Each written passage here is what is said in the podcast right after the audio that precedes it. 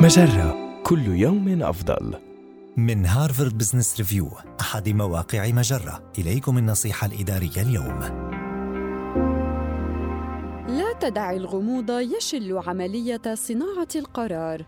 عندما تعيش في حقبة يتزايد فيها الغموض، قد تتعرض عمليات صناعة القرار التقليدية للانهيار، لكن يمكنك اتخاذ قرارات مدروسة ودقيقة من خلال التوقف بشكل استراتيجي للتريث وتقييم المعلومات المتاحة بين يديك. اولا حدد فئة البيانات التي تعمل بها والتحيزات التي قد تصاحبها فبعض البيانات قد تلفت انتباهنا لأنها مفاجئة ولكننا قد نعطيها أكبر من حجمها لأنها جديدة أو جديرة بالملاحظة ثانياً، حدد أكثر المعلومات أهمية في عملية صناعة القرار. هناك عدد لا نهائي من الأشياء المجهولة المعلومة، ولن تستفيد شيئاً إذا حاولت استكشافها جميعاً. اسأل نفسك بدلاً من ذلك، ما الذي أحتاج حقاً إلى معرفته للمضي قدماً؟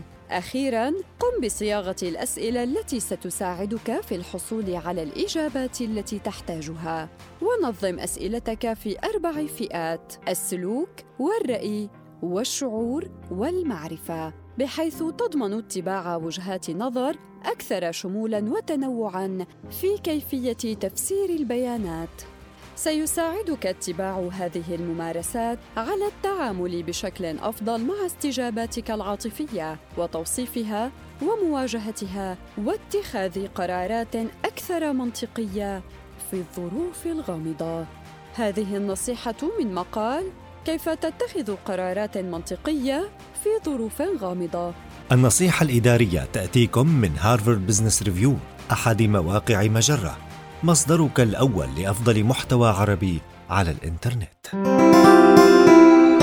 مجرة كل يوم أفضل.